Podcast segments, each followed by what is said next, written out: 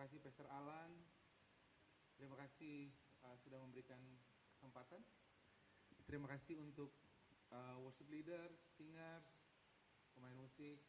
Terima kasih uh, multimedia, Asher yang sudah melayani kita semuanya. Saya percaya sekali uh, hari ini kita uh, firman Tuhan katakan ratapan tiga rahmat Tuhan itu selalu baru setiap hari. Amin. Jadi yang Bapak Ibu alami setiap hari itu adalah kebaikan Tuhan yang selalu uh, selalu tersedia bagi kita. Entah Bapak Ibu baik, entah Bapak Ibu jahat gitu ya. Kebaikan Tuhan itu selalu tersedia. Karena dia baik, tidak tergantung kebaikan kita. Sepakat dengan saya? Dia baik, tidak peduli apa pun status kita. Jadi mari harapkan sesuatu yang besar di dalam Tuhan, amin. Harapkan sesuatu yang besar, Amsal Amsal 3 dikatakan firman Tuhan, firman Tuhan itu adalah kehidupan. Amin. Jadi kalau dia kehidupan, ketemu dengan semua yang mati menjadi apa? Menjadi hidup. Amin. Nah, hari ini kita belajar tentang pengharapan. Janji Tuhan adalah kepastian. Kita lihat kebenaran firman Tuhan ini. Bapak Ibu, setiap kali kita mendengar firman Tuhan, yang pertama kali muncul adalah kita merasa dikasihi. Iman, kasih, dan pengharapan itu selalu muncul bersamaan. Setiap kali kita mendengar firman Tuhan, firman yang kita dengar itu kalau Bapak Ibu mendengar firman yang benar, selalu muncul perasaan dikasihi. Tapi kalau kita dengar firman yang salah, yang muncul adalah penghakiman. Benar?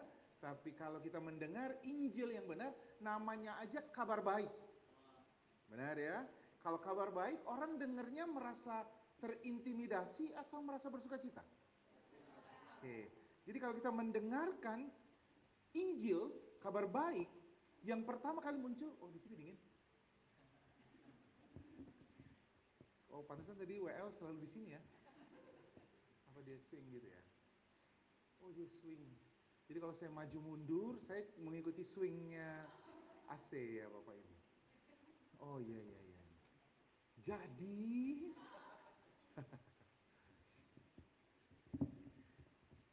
Yang berikutnya, kalau kita merasa dikasihi, Bapak Ibu, lalu timbul iman. Karena firman Tuhan katakan, yang menggerakkan iman adalah kasih. Jadi iman Bapak Ibu, itu yang menggerakkannya adalah kasih. Saya kasih contoh. Kalau saya merasa dikasihi sama Pak, Pak sih, Pak Didi, Pak Didi. Tadi main keyboardnya bagus banget. Terima kasih. Kalau saya merasa dikasihi sama Pak Didi, apa pun yang diomongin Pak Didi, saya percaya, jadi percaya atau tidak? Perhatikan, kalau Pak Didi ini baik banget sama saya. Saya tahu Pak Didi mengasihi saya. Kalau saya merasa dikasihi, apa saja yang diomongkan sama Pak Didi, saya jadi percaya. Benar? Nah lihat, kasih yang diberikan Pak Didi kepada saya menggerakkan iman. Lalu timbul apa? Pengharapan untuk semua yang diomongkan Pak Didi.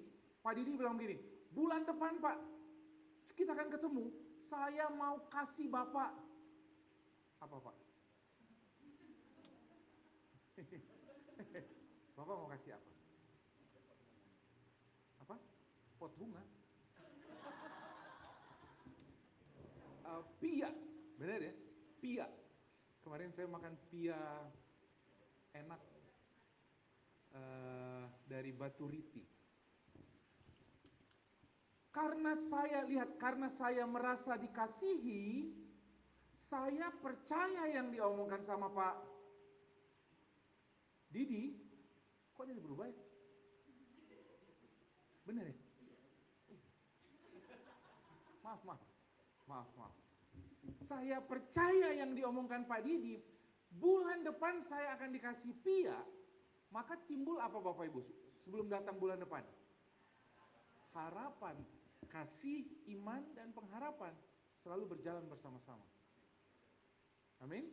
Jadi jangan bingung di 1 Korintus 13 itu yang berkata iman, kasih, dan pengharapan. Apa sih artinya? Apa sih artinya? Iman, kasih, dan pengharapan selalu muncul bersama-sama. Nah, kalau firman yang kita dengar itu endingnya adalah pengharapan, selalu muncul pengharapan. Jadi Bapak Ibu kalau dengarkan Injil yang benar, selalu muncul harapan. Amin. Uh, pengkhotbah 9 ayat 4, or an, lebih baik anjing hidup daripada singa yang mati. Orang hidup harus berpengharapan tanda orang hidup harus ada tanda pernikahan yang hidup. Ada apa? Tapi kalau pernikahannya sudah mati gimana? Ah, kalau suami saya, Pak, tunggu Tuhan datang baru dia bertobat. Ah, ini sudah kehilangan pengharapan. Pernikahannya sudah sudah mati. Wah, kalau bisnis saya, Pak, Bali kan lagi lesu, Pak. Semuanya lagi tiarap. Susah, Pak. Nggak bisa. Berarti kita kehilangan Berarti bisnisnya sudah sudah mati. Tapi kalau saya sakit, ada benjolan, ada tumor di tubuh saya. Tapi saya bilang ini, tidak oleh bilur-bilur Yesus, saya percaya, saya sudah sembuh. Roma 5 ayat 5 firman Tuhan katakan, ini belum masuk ayatnya ya. Ini setengah jam pertama. Roma 5 ayat 5 berkata, orang yang berharap kepada Tuhan, kamu tidak akan pernah dikecewakan. Amin. Karena firman Tuhan katakan Ibrani 6 ayat 11 dikatakan, tetapi kami ingin supaya kamu masing-masing menunjukkan kesungguhan yang sama untuk menjadikan bacaan suara keras yang kuning pengharapanmu suatu milik yang pasti sampai pada akhirnya. Bapak Ibu di sini semua kita percaya nggak kalau kita mati pasti masuk surga? Amin. Surga itu bagus nggak? Ada sakit penyakit nggak? Mau mati sekarang? Enggak juga ya, enggak mau juga. Katanya bagus. Belum mau ya. Siapa yang bilang itu? Apakah sudah menikah? Sudah, oh. Sudah punya anak? Oh, suami. Anak nomor dua. Nomor satu? Oh, tadi berarti keluarga, pelayanan keluarga ya? Kita kasih aplaus dulu dong, kita kasih aplaus dulu. Oh, Pantesan main musiknya sehati banget. Karena sudah dikode dari rumah berarti tadi. Sampai singkop-singkop dan ada notasi-notasi dalam bermusik namanya singkop dan tuti. Tadi sama-sama semuanya dilakukan.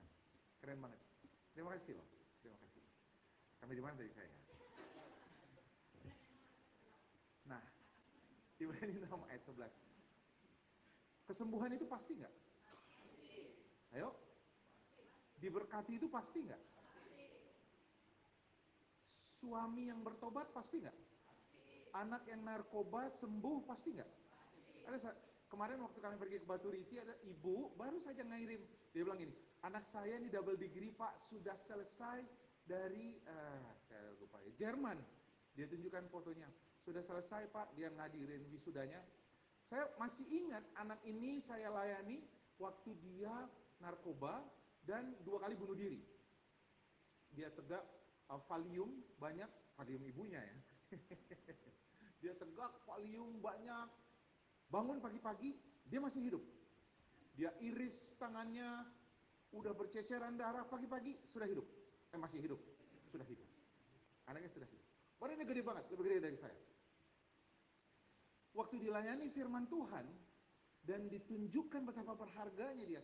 Ibunya bilang ini, puji Tuhan Pak, anak saya mulai berubah. Waktu itu nggak kebayang ya apa yang terjadi sama anak ini. Anak ini kehilangan pengharapan. Orang tuanya pun kehilangan pengharapan. Memang semuanya begitu ya. Kalau kehilangan pengharapan kasihnya ke mana? Ke gereja. Tolong dong anak saya gitu ya. Tolong dong, tolong dong anak saya gitu ya. Sangkin senangnya Bapak Ibu. Sangkin senangnya Ibu ini. Waktu dia lihat anaknya mau bertobat. Dia kasih saya kunci mobil. Kalau saya nggak salah Audi berapa gitu ya Jeep. Dia bilang, Pak bawa mobil ini, ini buat bapak. Saya cuma mikir satu bapak ini. Saya lihat teman saya dia bilang, bensinnya 1,4 pak. Berkat dari dia, kutuk bagi saya. Pajaknya hampir 70 juta per bulan. Itu bukan alasan saya sih, tapi saya bilang terima kasih Bu, Tuhan Yesus memberkati Ibu, tapi saya senang sekali dan sebagainya dan sebagainya dan sebagainya. Tapi ini mungkin sudah beberapa tahun kemudian, Bapak Ibu saya mau kasih tahu, pengharapan di dalam Tuhan adalah kepastian. Amin. Betapa bangganya dia menunjukkan anaknya yang dulu itu sudah mau mati. Ibunya sampai bilang gini, terserah anak ini mau bagaimana. Ibunya laporkan sendiri ke polisi, panggil uh, badan narkotika untuk tangkap anaknya. Dia sendiri yang kasih, udah bawa saja dia anak, terserah mau diapain. Saya sudah nggak ngerti. Dan sekarang dia tunjukkan sama semua orang, ini loh anak saya. Ketika kita punya pengharapan, pengharapan di dalam Tuhan adalah kepastian. Amin. Karena apa? Mari kita silahkan diklik. Yakobus 1, kita baca dengan cepat, 1, 2, 3. Hendaklah ia memintanya dalam iman. Sama sekali jangan bimbang. Seorang yang bimbang, yang diombang-ambingkan, kian kemari.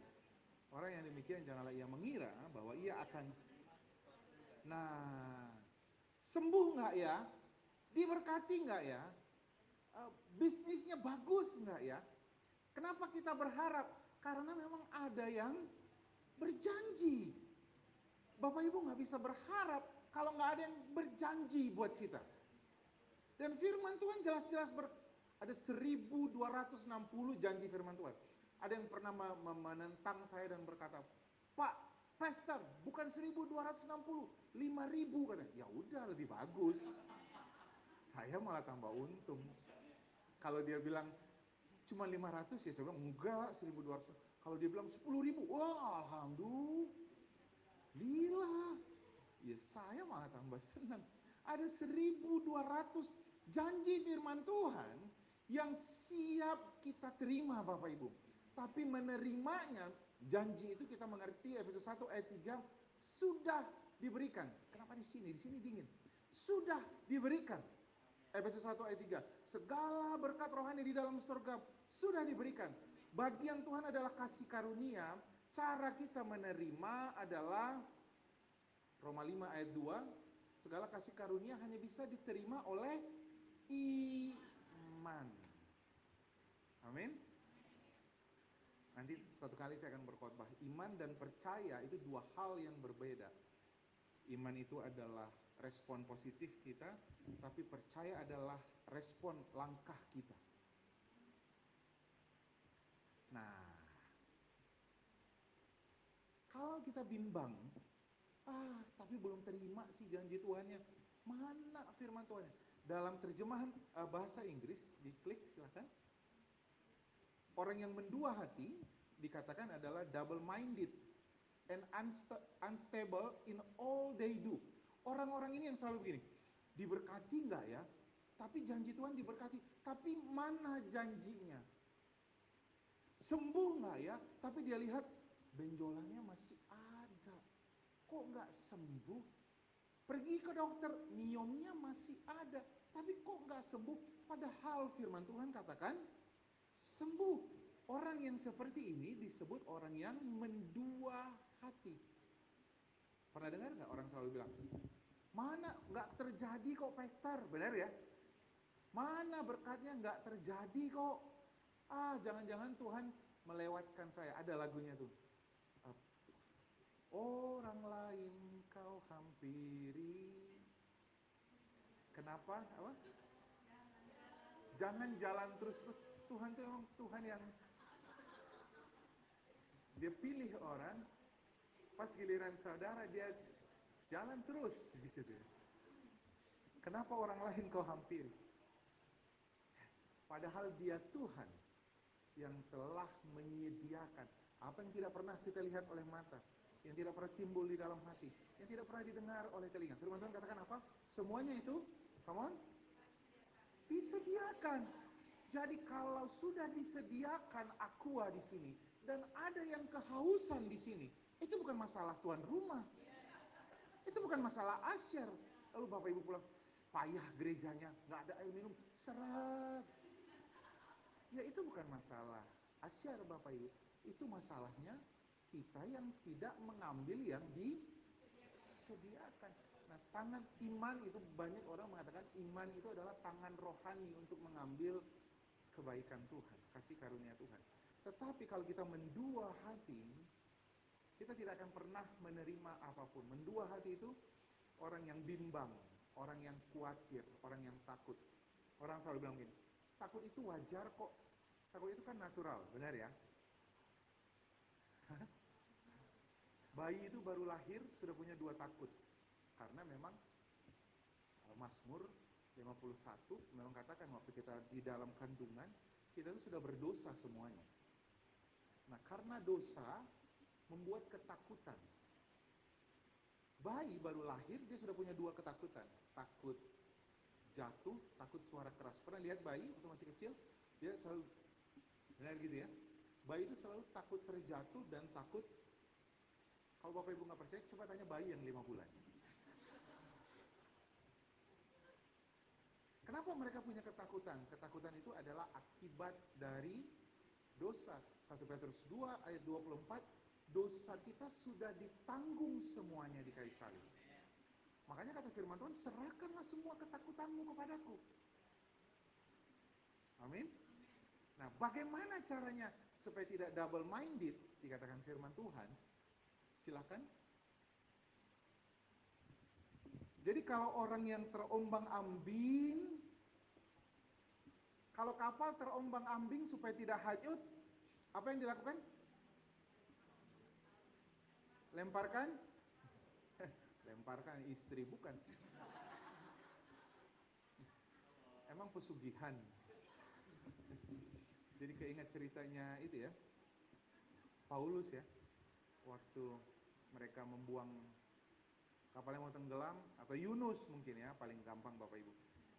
Siapa nih, kenapa nih kapal kita mau tenggelam, dilempar orang yang berdosa, kira-kira begitu ya. Yang pertama dia lihat siapa nih, istrinya nunjuk suaminya, suaminya nunjuk istrinya. Jadi saling lempar. Kalau kapal yang mau tenggelam Bapak Ibu, kalau eh, maaf, kalau kapal tidak mau hanyut, sembuh nggak ya, diberkati nggak ya, tapi kok belum, tapi kok nggak ada janji firman Tuhan ya, tapi kok, tapi kok, apa yang harus kita lakukan?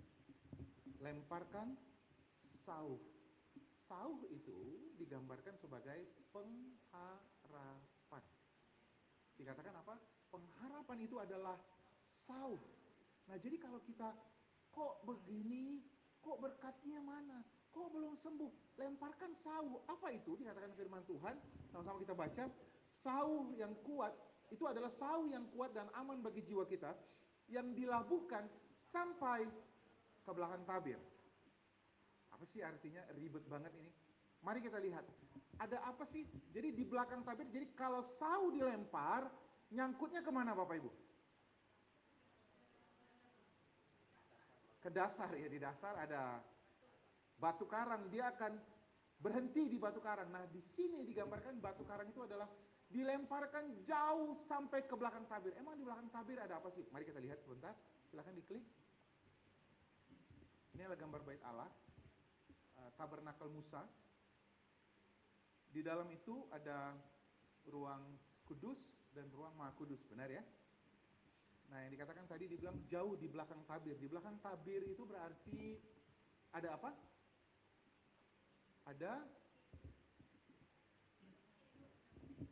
ada tabut. Di atas tabut ada kerub. Nah, mari kita klik sekali lagi. Nah, ini dia jadi di belakang tabir itu ada tabut. Kabot dalam bahasa Ibrani artinya adalah uh, apa namanya? the way adalah bobot dari kemuliaan Allah. Di dalam tabut itu ada tongkat Harun yang berbunga. Kemudian ada uh, dua loh batu, lalu ada segomer mana, segenggaman mana, segomer mana.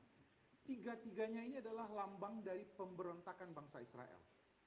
Pemberontakan akan penyediaan Tuhan, eh, pemberontakan mereka akan eh, apa namanya covenant Tuhan, pemberontakan mereka akan uh, pimpinan Tuhan. Mereka memberontak sama Tuhan. Dan tiga-tiganya ini Tuhan tutup di bawah tutup pendamaian. Dalam bahasa asli disebutnya kaparah, kap, kaporet. Kaporet itu lambang dari siapa? Yesus sendiri. Saya kasih contoh.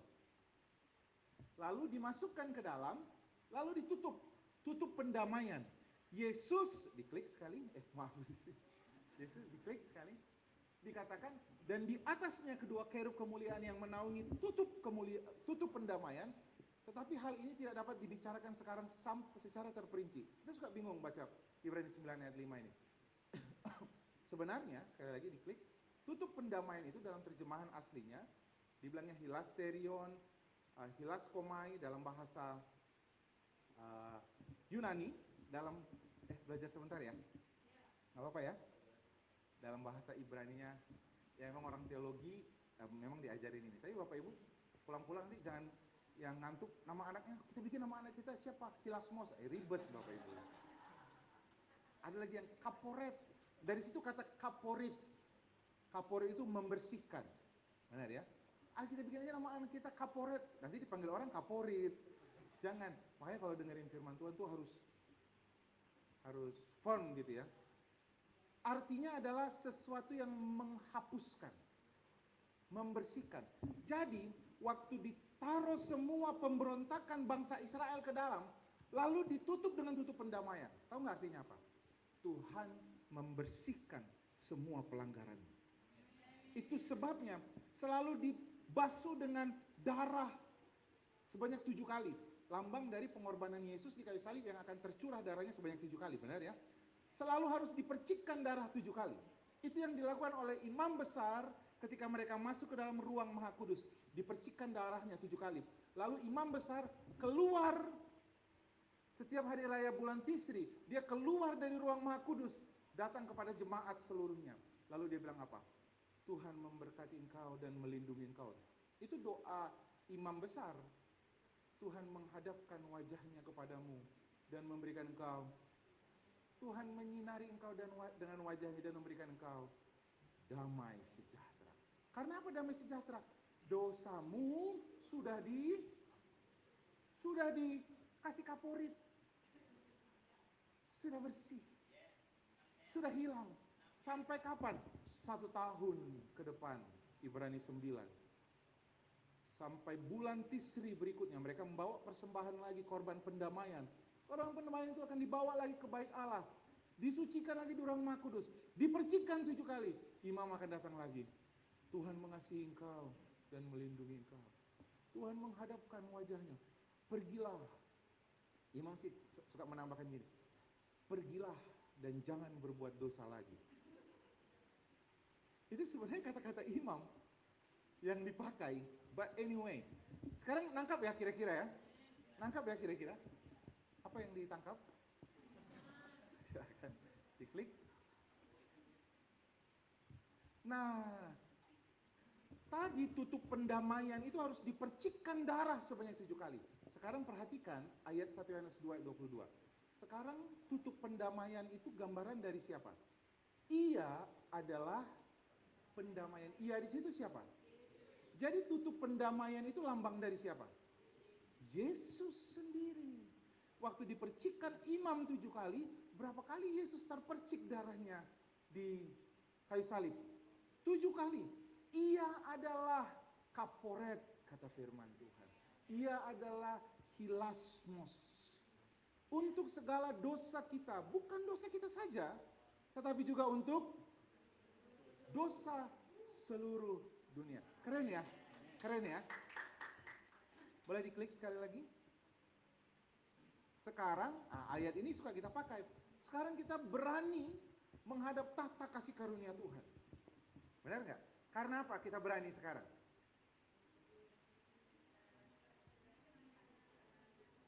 Nah, Ibrani 10 ayat 2. Kita sudah disucikan satu kali untuk selama-lamanya. Banyak orang selalu bilang begini, masa kita disucikan sih sekali untuk selama-lamanya Pak? Baca ayatnya.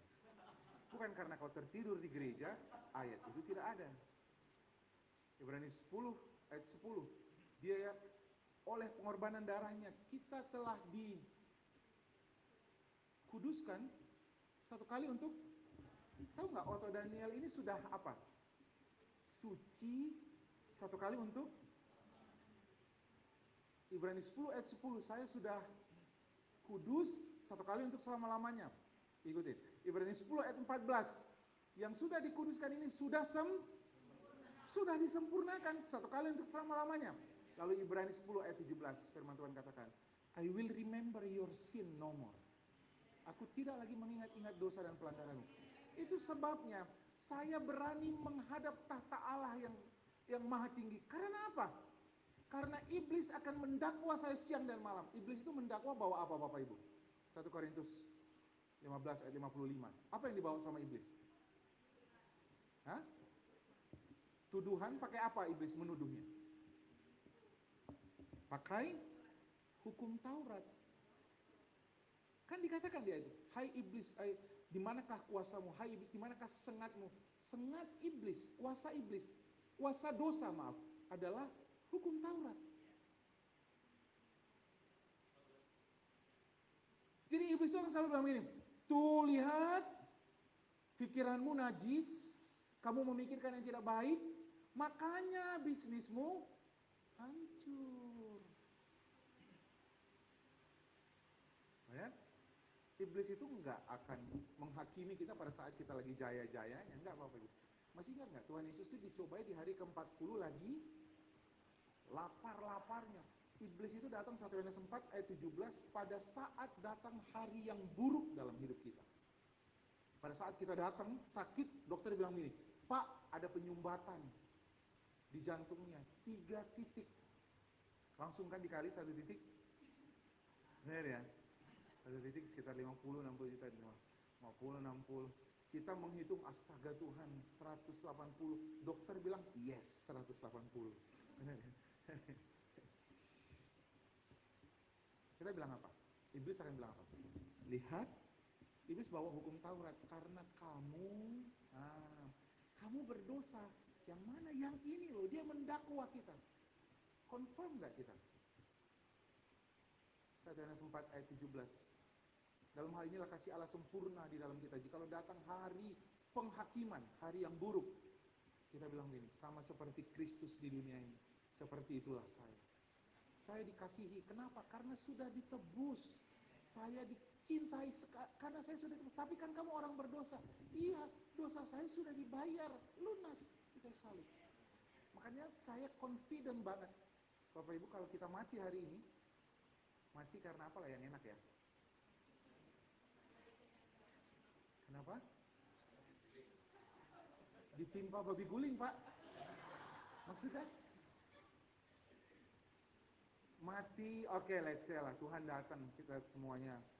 Confident nggak masuk ke surga? Confident? Yakin? Kenapa kita yakin? Nah, kenapa kita nggak yakin pada waktu sakit kita datang? Kita nggak confident bahwa kita pasti sembuh.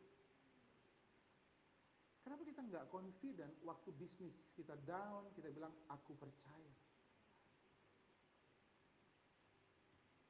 Aku percaya bisnisku pasti naik. Karena ada yang janji ulangan 28 ayat 13. Kamu akan tetap naik dan bukan turun. Tapi Pak, Bali sedang going down. Bali sedang, hey, bukankah kamu anak Allah? Anak Allah yang mati. Benar nggak? Jadi jangan samakan kita dong dengan dunia. Benar ya? Iblis aja tahu Ayub 1 ayat 10. Iblis bilang begini sama Tuhan. Tuhan, eh kemarin saya khotbah ini ya, pas di Batu Riti, enggak ya? Enggak ya? Kenapa ya? Kok enggak? Iblis itu bilang sama uh, uh, Tuhan pertama ngomong gini sama iblis. Lihat hambaku Ayub, beh, keren banget gak? Luar biasa. Iblis bilang gini, Bukankah engkau yang memagari seisi rumahnya, bisnisnya, usahanya? Kan kau yang magari. Bukankah kau yang memberkati segala yang dia lakukan sehingga dia bertambah kaya? Benar nggak? Iblis aja ngaku Bapak Ibu. Tapi banyak anak Tuhan malah bilang Tuhan sengaja membuat kita miskin, menderita. Loh, jadi mana ini anak Tuhan ini? Iblis. Makanya emang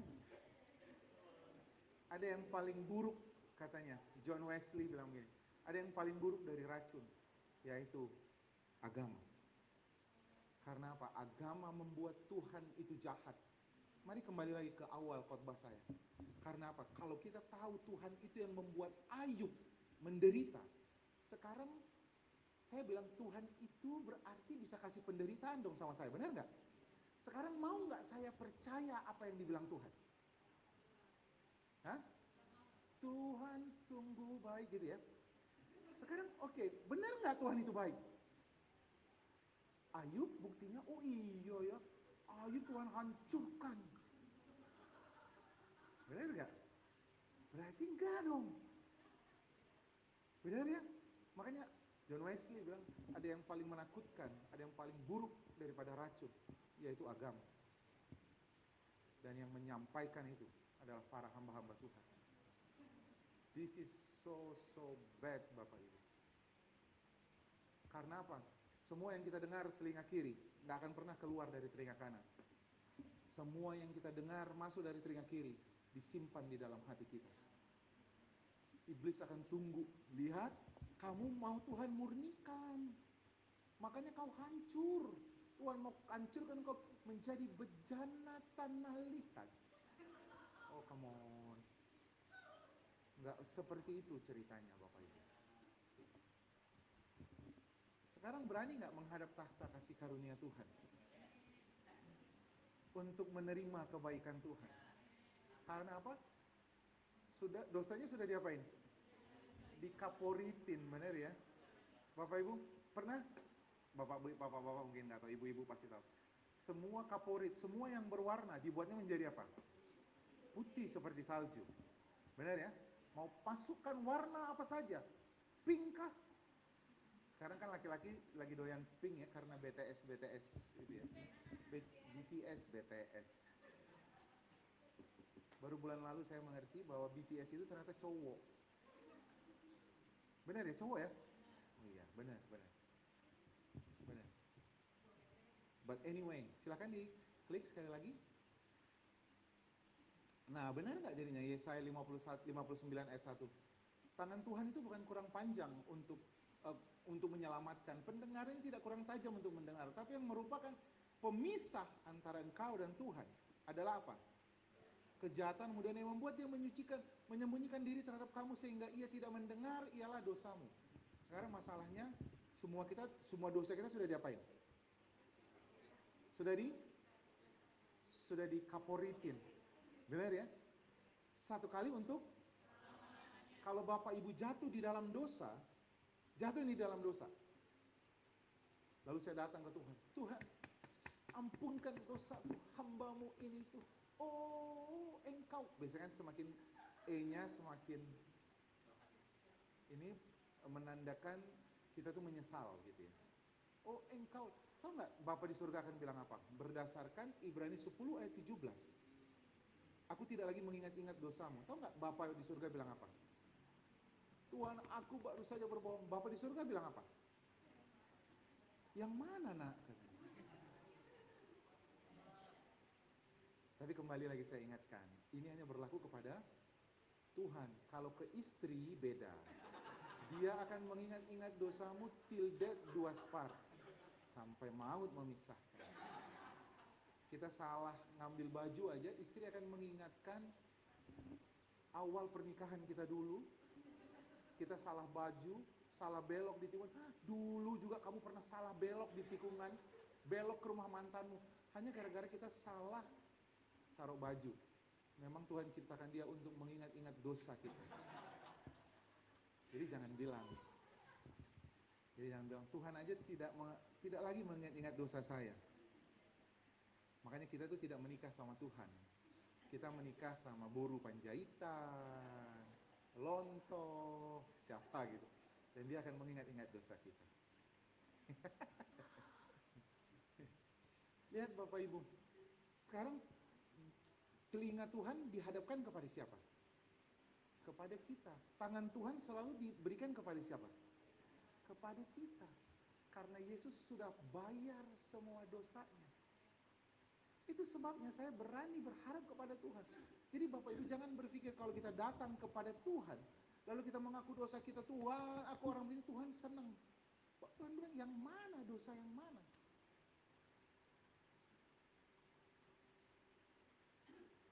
Sucikanlah aku Tuhan. Emang kita tuh diampuni dosanya karena mengaku dosa atau karena darah Yesus? Orang kan, kita harus mengaku dosa dulu Pak. Jadi kalau kita gini nih, nabrak lampu merah. Nabrak lampu merah itu dosa nggak? Ya dosa dong. Melawan pemerintah yang ditunjuk Tuhan itu dosa. Ada dalam hukum Taurat. Nabrak lampu merah, dosa dong. Ditabrak, ceger, mati. Masuk surga atau masuk ke mana? Kan belum sempat minta ampun. Belum sempat minta ampun. Masuk surga atau masuk neraka? Jadi kita diampuni karena minta ampun atau karena darah Yesus yang sudah menguduskan kita? Saudara Yesus Bapak Ibu. Ya, darah Yesus yang sudah menebus, mengampuni semua pelanggaran kita satu kali untuk selama-lamanya. Amin. Kita confident untuk menerima semua janji Tuhan karena janji Tuhan itu ya dan amin. Kita selesaikan. Boleh diklik? Jadi dalam 1 Yohanes 4 ayat 17, dalam hal inilah kasih Allah sempurna di dalam kita. Yaitu, baca dengan suara keras, kita punya keberanian, confident, percaya pada hari hari penghakiman itu bukan nanti akhir zaman. Karena dibilang sama seperti dia di dunia ini. Jadi buat sekarang, hari penghakiman itu dalam terjemahan asli bilangnya hari yang krisis, hari yang buruk. Hari yang buruk itu tagihan datang bertubi-tubi.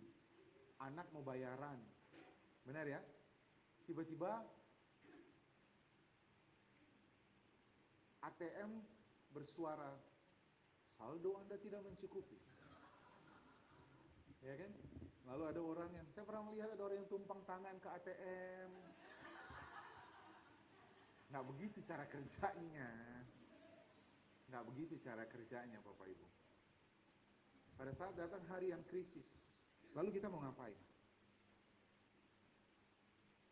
Kita akan bilang begini, sama seperti Kristus di dunia ini. Seperti itulah saya. Saya selalu mengulang ini. Yesus pernah mengalami hari yang krisis nggak di dunia ini? Hari yang buruk. Lagi naik kapal, kapalnya hampir tenggelam, benar nggak? Kapalnya mau tenggelam, Yesus bilang apa? Kepada badai. Dia nggak ngomong sama Tuhan, dia ngomong sama Bapak. Oh Bapak di surga, aku mau pelayanan. Kan Yesus mau pelayanan, bukan mau liburan. Dia mau pelayanan. Kenapa kau berikan badai ini? Enggak Bapak Ibu. Dia cuma bilang kepada badainya apa? Diam dan tenanglah. Makanya anak-anak Tuhan yang panjang-panjang doanya percaya deh. Hanya karena kau nggak percaya saja.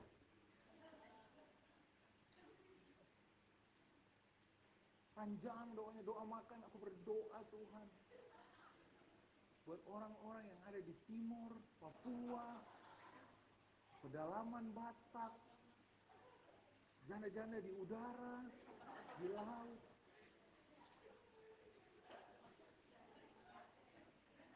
Ayo dong. Waktu Tuhan mau membangkitkan Lazarus, dia cuma bilang apa? Kumi, bangkitlah. Benar ya? Benar? Makanya kalau ada benjolan Bapak Ibu, oh, Oke, di dalam nama Tuhan Yesus aku perintahkan engkau bercampaklah ke laut, pergi tinggalkan tubuh ini. Benar ya? Dan oleh benar-benar saya sudah sembuh. Kita berdoa bukan mau mengingatkan Tuhan, kita berdoa mengucapkan janji firman Tuhan supaya kita percaya karena iman timbul dari apa yang kita Jadi kalau kita ngucapin, aku sembuh, ketika kita dengar, amin, aku percaya. Amin ya. Jadi doa itu bukan mau ingetin Tuhan. Seolah-olah Tuhan itu Tuhan yang pelupa. Tidak dong. Kita doa panjang-panjang. Makanya kata firman Tuhan, janganlah kamu berdoa bertele-tele. Makanya kalau pertemuan pendeta di tempat saya Bintaro, kalau suruh saya berdoa katanya suruh dia saja berdoa. Cepat. Ringkas, padat, dan ada hasilnya katanya. Benar nggak Bapak Ibu? Dan lihat, pada saat datang hari penghakiman, kita bilang, aku percaya. Yesus pernah buat KKR, 15 ribu orang, kekurangan makan nggak? Hah? Waktu itu kekurangan makan nggak mereka semua? Terus Yesus bilang sama murid-muridnya, keluarkan makan ini, keluarkan uang kas. Murid-muridnya bilang, janganlah Tuhan. Ya kan? Mungkin muridnya dari Padang, biasanya kan orang Padang kan, berhitung kan. Ada yang dari Padang? Nggak ada. Dia bilang, jangan Tuhan. Waktu itu mereka harus mengeluarkan sekitar 80 juta dari uang kas untuk kasih makan. Lalu murid bilang, jangan Tuhan, nggak usah. Lalu Yesus bilang, ya udah. Apa yang mau kita lakukan? Lima roti dan dua ikan, benar ya? Masalah nggak Bapak Ibu? Apa yang dilakukan Tuhan Yesus? Dia menengadah ke langit dan lihat, simple. Terima kasih Bapak, lima roti dan dua ikan akan memberi makan 15 ribu orang. Mujizat terjadi. Jadi nggak pakai oh, mari nyanyikan dua lagu. Belum ada juga tiga lagu sampai jamuran tuh ikan. Empat lagu, lima lagu. Itu sebabnya kita nggak bisa melihat mujizat Bapak Ibu. Pada saat datang hari yang buruk itu, ayo dong, sama seperti Yesus di dunia ini. Seperti itulah saya. Berdiri di depan bisnisnya, berdiri di depan pekerjaannya. Saya punya ibu seorang petani. Dia petani, jadi saya ajarkan sama mereka, kalau mau ngomong, apa yang mau kamu harapkan, ngomong sama uh, tanamannya, ngomong, saya diberkati, saya ini, saya ini, saya punya ini, saya begini, saya begini, saya begini. Dan dia selalu bilang begini, setiap kali dengan orang yang punya lahan yang sama, ibu saya berkelapa uh, sawit, dia bilang ini, dengan orang yang punya lahan banyak dan dengan apa yang kita punya, punya kita itu selalu lebih banyak.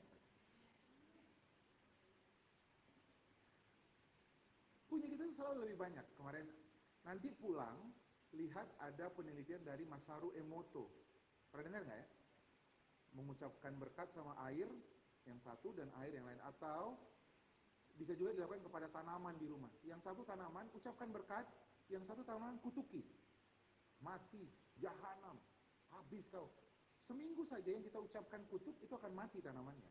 Yang kita ucapkan berkat akan tumbuh. Tanaman aja percaya Bapak Ibu.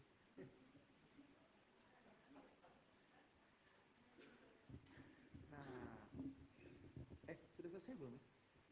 Coba diklik. Kok nanya saya gitu. Nah, terpujilah Allah Tuhan kita yang di dalam Kristus Yesus telah atau akan? Telah mengaruniakan. Segala atau setengah? Segala. Berarti apa yang Bapak cukup, apa yang Bapak Ibu harapkan sudah diberikan.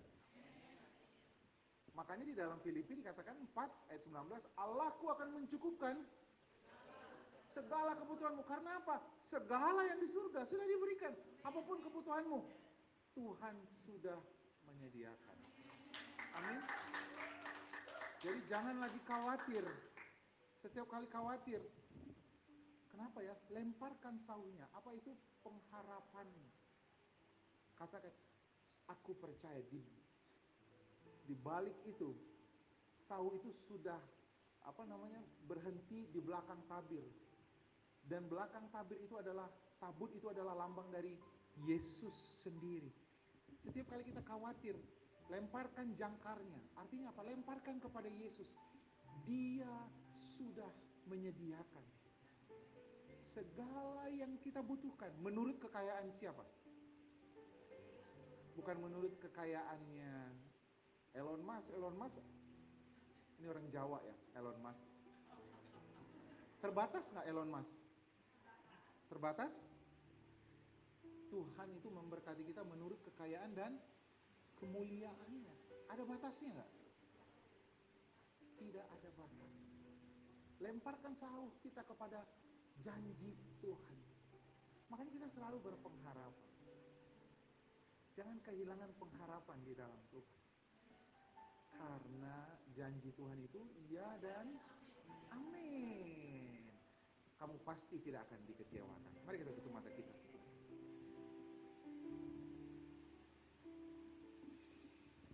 Mari kita tutup mata kita. Untuk setiap apa yang kita harapkan, boleh kita bangkit berdiri?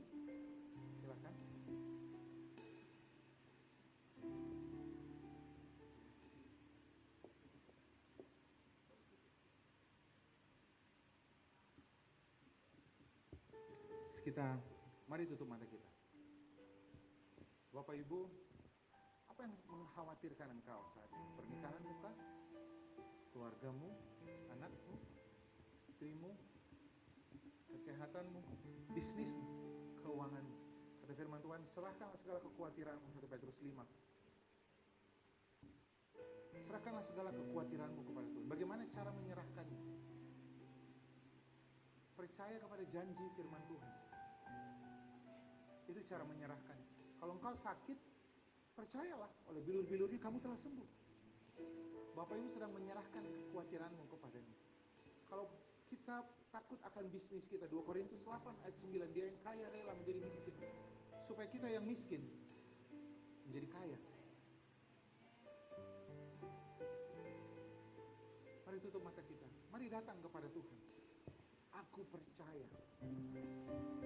Itu powerful banget kata-kata ini. Aku percaya, aku percaya. Apa yang menakutkan engkau? Aku percaya. Aku percaya untuk ini. Aku percaya untuk ini. Aku percaya. Sebutkan janji firman Tuhannya Bapak Ibu. Sebutkan janji firman Tuhan. Kalau Anda yang di pekerjaan, ulangan 28 ayat 13, kamu akan tetap naik dan bukan turun. Menjadi kepala dan bukan menjadi ekor karena itu janji firman Tuhan. Berdoa penggenapan janji firman Tuhan itu terjadi dalam hidup kami. Dan kami percaya kami tidak akan pernah dikecewakan. Karena untuk semua janjimu itu adalah ya dan amin. Terima kasih Bapak. Terima kasih Tuhan. Saya akan berdoa untuk setiap saudara yang punya sakit penyakit, pegang bagian tubuh saudara yang sakit. Saya akan berdoa untuk saudara. Pegang bagian tubuh saudara yang sakit.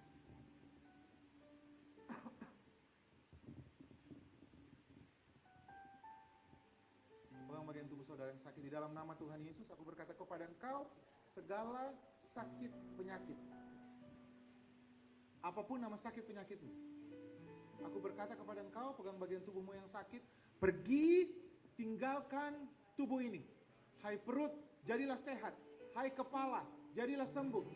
Hai hidung, hai mulut, hai tangan, pundak, mata. Di dalam nama Tuhan Yesus, jadilah sehat saat ini juga. Jadilah pulih saat ini juga. Dan semua sakit penyakit pergi tidak boleh kembali lagi. Di dalam nama Tuhan Yesus. Mari kita berikan kemuliaan kepada Tuhan.